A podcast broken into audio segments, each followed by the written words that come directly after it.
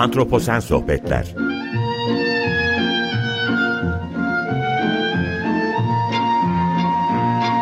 Hazırlayan ve sunan Utku Perktaş Merhaba, iyi akşamlar herkese. Antroposen Sohbetlere hoş geldiniz. Ben Utku Perktaş. Bu akşam örümcekler üzerine konuşacağız. Biyoçeşitlik sohbetlerimizi örümcekler üzerinden götürmeye çalışacağız. Sebebine gelince oldukça ilginç bir grup omurgasızlar içerisinde ve bildiğimiz gibi dünyada 1.9 milyon tanımlanmış tür var. Bunların yaklaşık 1.4 milyonu hayvanlar ve hayvanlar içerisinde de hem karasal hem sucul ortamlarda en yüksek sayıyı omurgasızlar oluşturuyor. Omurgasızlar içinde de böcekler esasında birinci sırada ama örümcekler e, bunlar içerisinde ilginç bir grubu oluşturuyor. Filmlere konu olduğu, korku filmlerine konu olan bir organizma. Farklı e, şekillerde anıyoruz. Evde görüyoruz, dışarıda görüyoruz.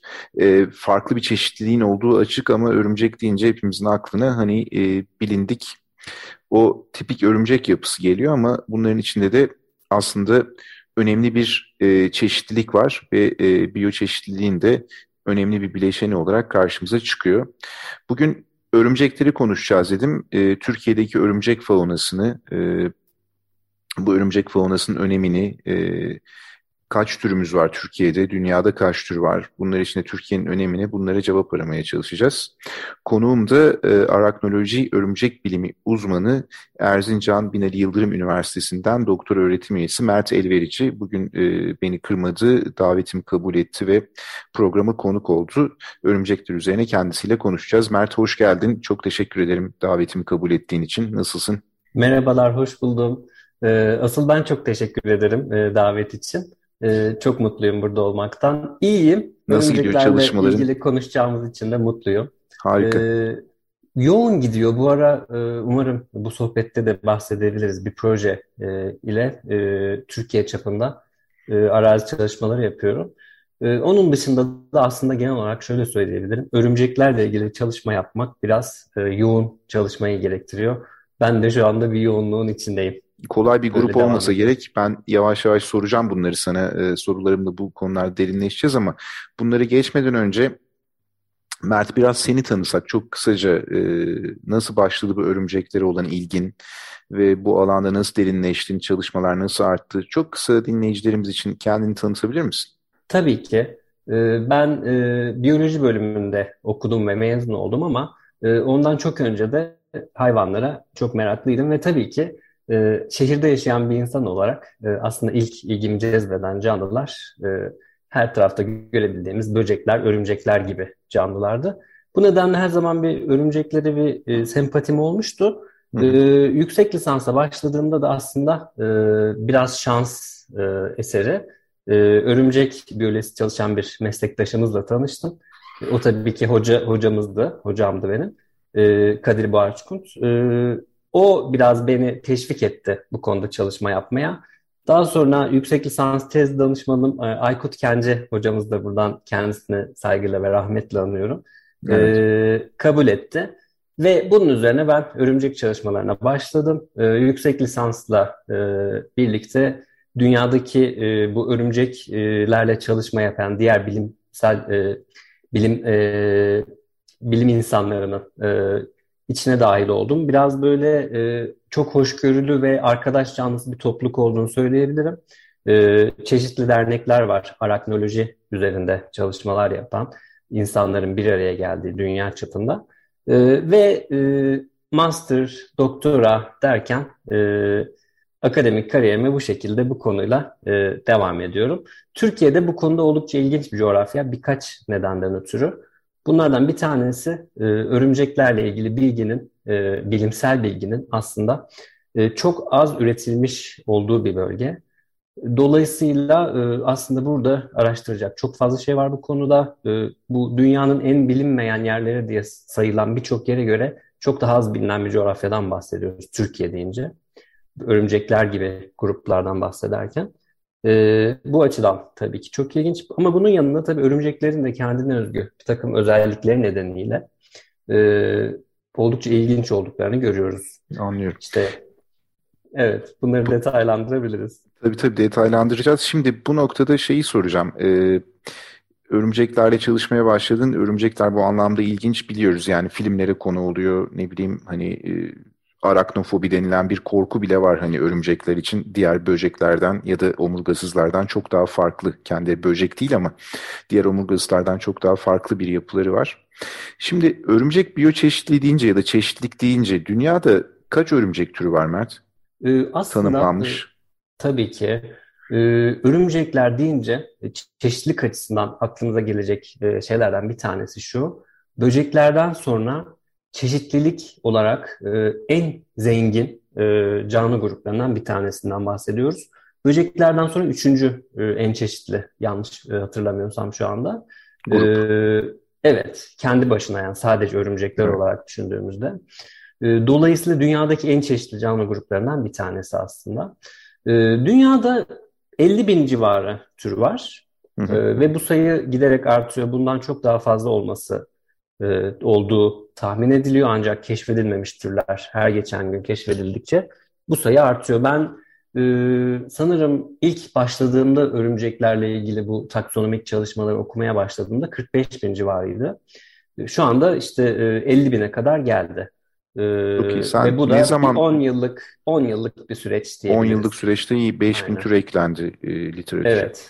evet. Peki e, Tabii Türkiye'ye gelecek olursak yani bugün de işte konuşmamız sırasında Türkiye Anadolu biyoçeşitliliği içerisinde örümceklerin yerini sana soracağım ama şimdi Türkiye dediğimiz zaman hem iklimsel olarak hem coğrafi olarak çok farklı bir konuma sahip e, bir coğrafyayız esasında biz bulunduğumuz coğrafya.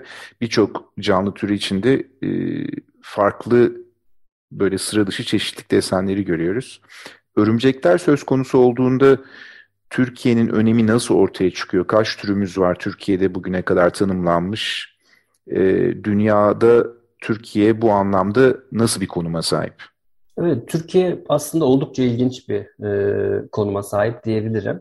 E, günümüzde bilinen tür sayısı e, bin, 1100'den daha fazla değil. E, 1129 diye bir rakam. En az 1100 türümüz Türkiye'de var. Evet, Hali hazırda kaydedilmiş, e, bilimsel çalışmalarla rapor edilmiş tür sayısı bu. Ancak tabii ki bu sayı e, çok gerçeği yansıtmayan bir sayı. Çok daha fazla tür olduğunu tahmin edebiliriz. Türkiye'nin e, en öne çıkan özelliklerinden bir tanesi bu konuda çok fazla sayıda endemik türe sahip olması ve bunların evet. önemli bir kısmının da e, tabii endemik bazen e, önemli bir terim, e, kavram olarak endemizm karşımıza çıksa da aslında e, hani bazı endemiklerin çok geniş dağılımlar gösterdiklerini sadece siyasi coğrafyalarla e, tanımlam endemikliğin tanınmasını aslında siyasi sınırlarda çok anlamlı bulmuyoruz bazen ama hı hı. örümceklerde bu nokta endemi dediğimiz e, hani tek bir popülasyon, birkaç popülasyon gibi çok böyle küçük e, dağılım alanlarına sahip türlerin de olduğunu görüyoruz ve Türkiye'de bunların sayısı oldukça fazla aslında. E, bu da tabii Türkiye'nin, Anadolu'nun bu ve yakın çevresinin, e, Anadolu'yu etkileyen yakın çevreden e, etkilendiğini ve örümceklerde bu çeşitliliğin çok e, net görüldüğünü söyleyebilirim. Anlıyorum. Peki yani bu 1100 türün kaç tanesi endemiktir Anadolu'ya? Bu konuda Açıkçası bir bilgi var mı? şu anda çok net bir aklımda sayı yok ama yani onda biriyle 20'de e, yani %10'u yanlış ifade ettim. %10'u %20'si arasında olmalı bu sayı. Ee, yani 150 tür falan şekilde. en az endemik evet. olarak Türkiye'de. Bilinenler açısından bu şekilde. Ee, ama bu sayı Türkiye'deki sayı tabii ki daha fazla gerçekte ve bu fazla olmasının nedeni de aslında bu henüz bilinmemiş, keşfedilmemiş olan gene dar yayısı diyebileceğimiz Anadolu endemiklerinden gelecek. Ee, bu çalışmalar arttıkça, e, daha fazla insan bu konuya eğildikçe, daha geniş bir coğrafya araştırıldıkça hı hı. E, bu sayılar artacaktır. Anlıyorum. Peki yani Anadolu'ya baktığımızda hangi coğrafyalar çeşitliliğin yüksek olduğu yerlerdir örümcekler anlamında? Çünkü örümcekleri her yerde görüyoruz anladığım kadarıyla. Evet, e, her yerde görebiliyoruz. Aslında mesela böceklerle karşılaştırdığımızda böcekleri de her yerde görürüz ama hı hı. şöyle bir mesela işte etrafımızda görebileceğimiz bir doğal alan hayal edelim. O kadar da yaban hayatının hüküm sürdüğü bir yer olmasına gerek yok. Mesela arka bahçemiz olabilir. Bu örnek vermek istediğim bir alan. Ee, arka bahçemizde e, toplam kaç farklı tür böcek vardır e, veya toplam kaç farklı tür örümcek vardır diye sorduğumuzda örümceklerin kimi zaman hatta çoğu zaman e, böceklerden de daha çeşitli olabildiğini görüyoruz. Böyle sınırlı bir alanda e, baktığımız zaman. Evet. E, hani dolayısıyla bu çeşitlilik e, tabii ki oldukça ilginç ve e, işte biraz daha böyle gözümüz doğal alanlara çevirdiğimizde, daha yaban hayatına doğru gittiğimizde e, endemiklerin de sayısının artmaya başladığını görüyoruz. Örümcekler bu konuda biraz heterojen aslında. Hem kuşlar gibi ya da çok e, yüksek yayılma kapasitesine sahip, kapasitesine sahip türler gibi pek çok farklı canlı grubundan da çok geniş dağılıma sahip türleri olduğu gibi hatta istilacı türleri olduğu gibi evet. e, böyle nokta endemiği denecek kadar e, az küçük e, dağılım alanına sahip türleri de var. E, bunları özellikle Akdeniz e, bölgesi ve Akdeniz ikliminin en net e, görüldüğü bu Akdeniz, e, Ege ve Akdeniz kıyılarımızda çok net görüyoruz. Hı. Bir diğer önemli alan e, biraz daha e, hem enlem olarak hem de rakım olarak yukarı çıktığımızda bu yangınlar bu sene çok gündeme geldi ya. Evet, hani evet. Kızılçam e, işte mesela Kızılçam ormanları ve diğer e, maki gibi e, diğer e, Akdeniz bitki örtüsüne sahip yerlerde e, hani önemli bir çeşitlilik görüyoruz. E, ancak daha biraz daha rakım olarak yukarı çıktığımızda bu karaçam yanmayan, daha stabil olan karaçamda da oldukça ilginç bir çeşitlilik görüyoruz. Bununla birlikte mesela bitkilerden bir farkı şudur. E, bitkilerin özellikle Türkiye'de ikinci en çeşitli olduğu bölgeler yüksek dağ ekosistemleridir. Örümceklerde mesela pek öyle olmadığını görüyoruz. Biraz daha rakım arttıkça artık e, endemizmin veya işte e, nadir türlerin, dar yeşil türlerin daha az görülmeye başladığını görüyoruz. Bu sefer yayılmacı işte yüksek dağ ekosistemlerinde yaşayan uçarak bütün dünyaya dağılan türleri bu alpin ekosistemlerde görmeye başlıyoruz. Biraz örümcek fizyolojisinin izin verdiği ölçüde e, hani diğer canlı gruplarına göre biraz farklı trendler var e, bu konuda. Anlıyorum. E, endemizmin nerede yoğunlaştığı konusunda. Bununla birlikte şunu çok net ifade edebilirim. Örümceklerle ilgili çok detaylı çalışmalar yani e, bütün türleri bulmaya yönelik e, veya e, işte böyle taksonomik çalışmaların çok kapsamlı yapıldığı bölgeler oldukça az. Hı hı. Mesela Karadeniz bölgesi bu konuda çok e, yoğun çalışmalara konu olmadı birçok bölgesiyle. E, işte e, Güneydoğu Anadolu bölgesi, Doğu Anadolu bölgesi e, genelde e, yetersiz e, çalışılmış bölgeler. En çok çalışma Akdeniz bölgesi e, de diyebilirim. Hani bu e, yanlılıklardan da kaynaklı olarak aslında Türkiye'nin sahip olduğu e, ekosistemlerde, coğrafyada şurası daha önemlidir gibi e, ayrımları şu anda yapmak biraz zor. Biraz tahmine kaçıyor bu konudaki evet. yorumlar ama Akdeniz'in bu konuda kesin bir şey olduğu e, aşikar. Diğer pek çok canlı grubunda olduğu gibi Akdeniz'de bu konuda ön plana çıkıyor gibi gözüküyor şu ana kadar. Anlıyorum. Peki şimdi antroposen dönemde insan çağında e, insan nüfus artışıyla beraber bu insan evladı her yere etki ediyor ve habitatları degrade ediyor. Birçok e, canlı türü tehdit altında hatta yok oluyor. İşte biyoçeşitlik krizi içerisindeyiz esasında ve bu biyoçeşitlik krizinin birçok farklı nedeni var. Bunlardan bir tanesi benim söylediğim durumdu. Bu insan çağı içerisinde karşı karşıya kaldığımız insanın doğaya etkisi. Şimdi e, birçok canlı türü de işte dedim tehdit altında. Peki örümceklerde tehdit altında olan tür sayısı nedir? E, örümceklerde bu insan çağından olumsuz etkileniyor mu? Hem küresel anlamda tüm dünyayı düşünerek hem de kendi coğrafyamıza biraz odaklanarak neler söyleyebilirsin? Tehdit altında olan türler anlamında nasıl bir e, görüntü var? Tabii ki. Bu da aslında oldukça ilginç konulardan bir tanesi. Hı hı. Ee, yani eminim şu ana kadar hiç e, tehdit altındaki bir örümcek türüyle ilgili bir şey duymamıştır dinleyicilerimiz. Evet. Ee, bunun önemli bir nedeni var. Çünkü e, bu konuda pek bir şey bilmiyoruz. Ee, bu konuda yapılan bir takım tahminler var. Hani örümcekler de veya diğer omurgasız grupları için de bunlar var. Ee, tehdit durumu nedir? Ee, ne kadarı tehdit altındadır? Bu yok oluş, e, antroposen dönemindeki bu insan etkisiyle kaynaklanan yok oluş örümcekleri ne kadar etkiler? Ee, bu konudaki hesaplamalar veya tahminler diyelim Ee, aslında durumun örümcekler içinde omurgalılar, en az omurgalılar kadar kötü olduğunu e, veya daha da kötü olabileceğini öngörüyor.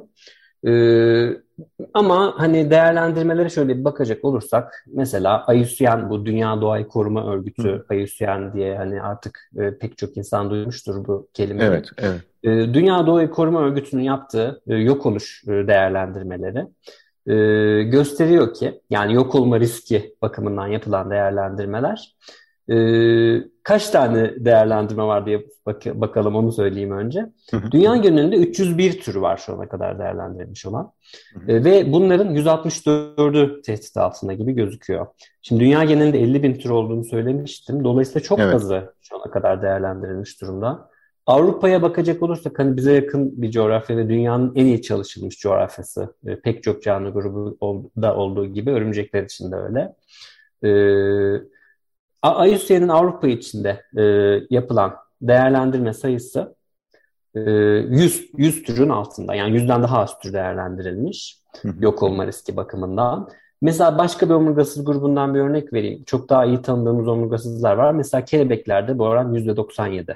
Yani hani e, örümceklerin 100 türle Avrupa'da %2'sine tekabül eden bu sayı %2'si değerlendirilmişken işte kelebekler gibi, kuşlar gibi pek çok canlı grubunda bunların %100'e yakın oranlarda olduğunu görüyoruz.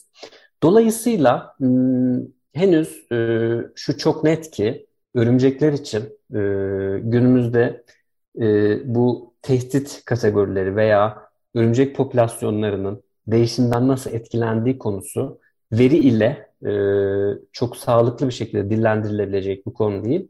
Ancak şu çok net, kesinlikle bu konuda bilgiye ihtiyacımız var, veriye ihtiyacımız var ve evet, evet. E, koruma çalışmalarını veya koruma uygulamalarını e, biraz bu tarz grupları da korumaya yönelik revize etmek gerekiyor.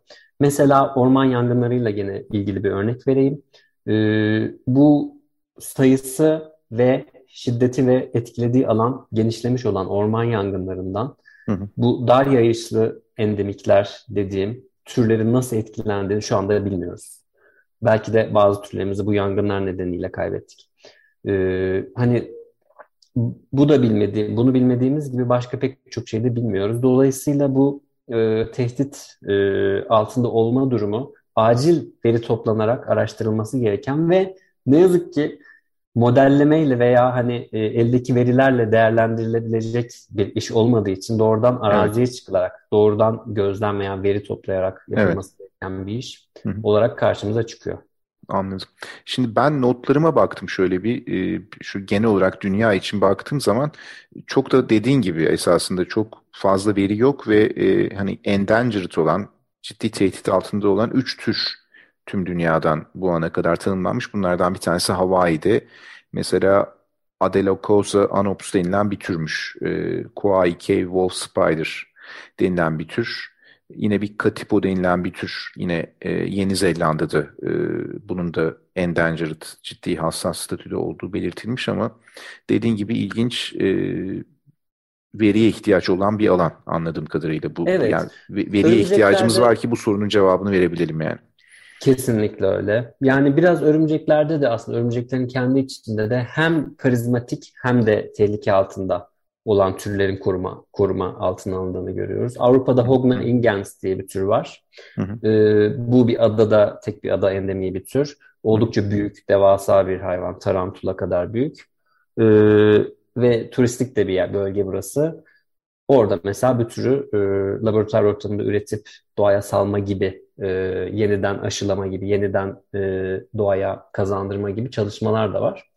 Ama tabii e, çoğunluğunun örümceklerin böyle karizmatik olmaması, kolay gözlemlenebilir olmaması e, gibi nedenlerle tabii ki maalesef henüz bu uygulamalar böyle kapsayıcı değil evet. açıkçası örümcek türleri için.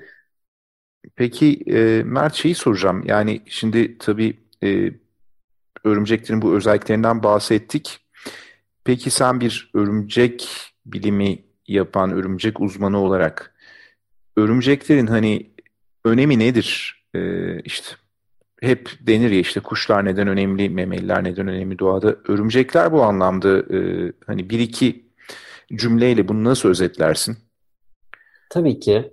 Ee, örümcekler aslında birçoğumuzun bildiği gibi e, hatta araknofobiye neden olması biraz bu içgüdülerimizi böyle harekete geçirmesinin nedeni zehirli olmaları gibi bir özellikleri var ve bunu avlarını etkisiz hale getirmek için kullanırlar genellikle. Ee, bu da gösteriyor ki tamamı predatördür bunların. Ee, ve avcılar olarak şöyle bir rolleri var ekosistemde. Ara seviye avcılar olarak karşımıza çıkıyorlar. Böceklerle besleniyorlar genellikle. Ee, yani avlarının büyük bir bölümünü böcekler oluşturuyor pek çok örümcek e, türünün diyetinde. Evet. Ve daha e, üst seviye predatörler içinde e, besin teşkil ediyorlar. Hani ekosistemlerde böyle ara predatörler grupların oldukça önemli olduklarını görüyoruz. E, örümcekler de bu konuda oldukça ilginçler. Ama tabii farklı ekosistemlerde farklı rolleri var. Örneğin mesela bir mağara ekosistemine, yeraltı ekosistemine indiğimiz zaman e, bir örümceğin orada top predatör e, yani birinci predatör, en yük besin zincirindeki en üst seviyedeki predatör olabildiğini de görüyoruz. Bu e, pek çok mikro habitatta da bu şekilde olduğunu söyleyebilirim.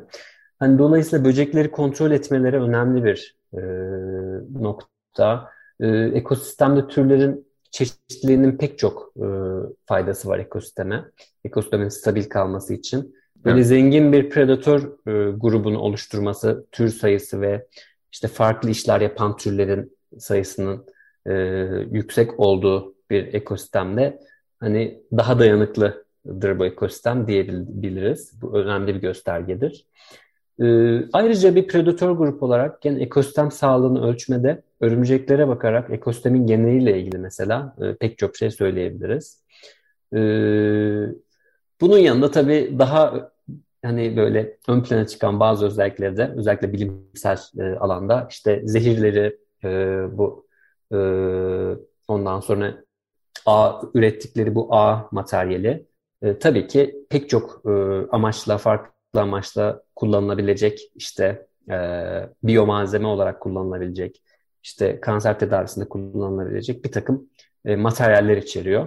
E, bunlardan faydalanmak da mümkün olabilir ama e, hani bana soracak olursanız en önemli özellikleri ekosistemde bu besin zincirinde sahip oldukları yer e, ve hani bunun böyle devam etmesi insanlar için de önemli. Eğer biz örümceklerin çoğunu kaybedersek, kaybetmeye başlarsak, komünitelerde ciddi bir tür kompozisyonunda değişim gözlemlemeye başlarsak işler e, umduğumuz gibi gitmeyebilir dünya ekosisteminde.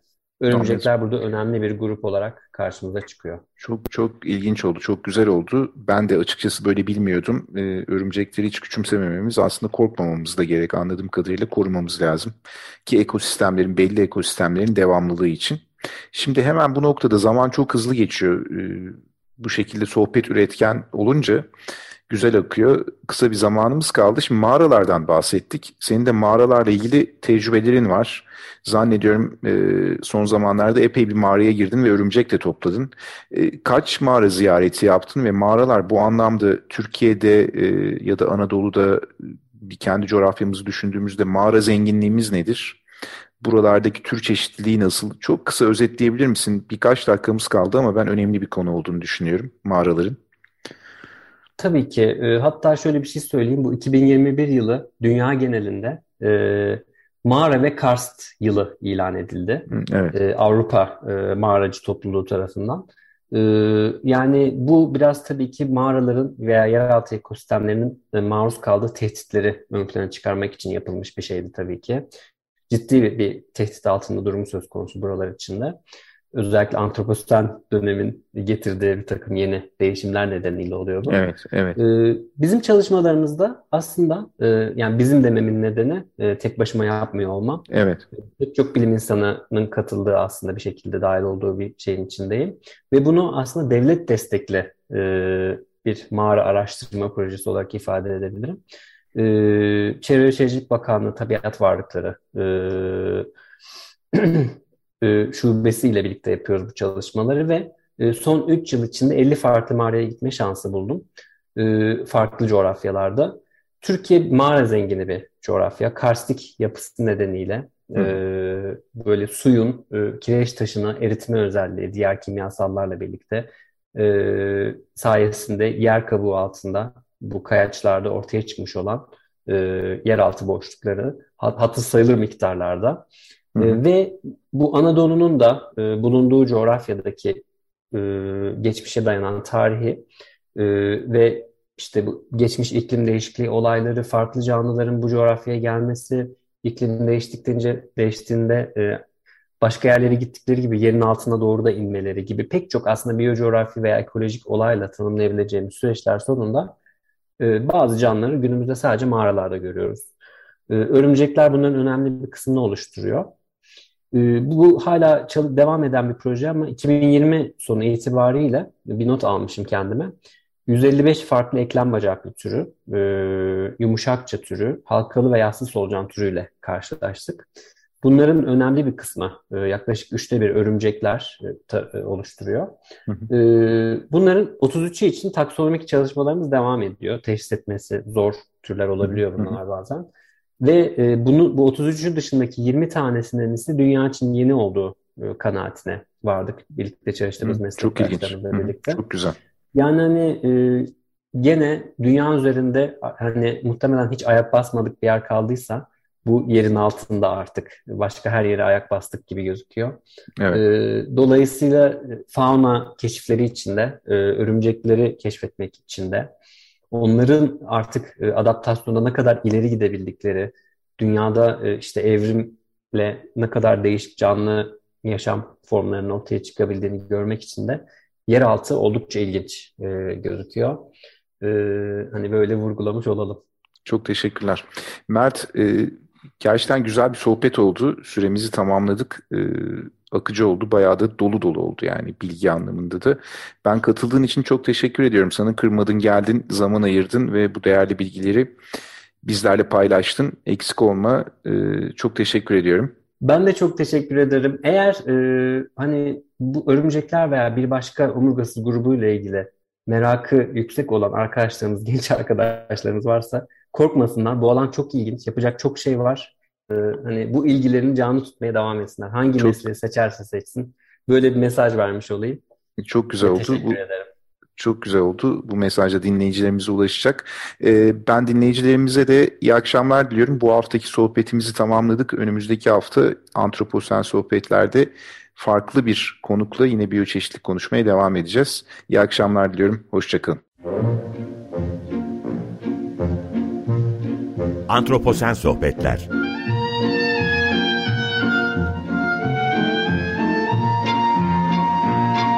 Hazırlayan ve sunan Utku Perktaş.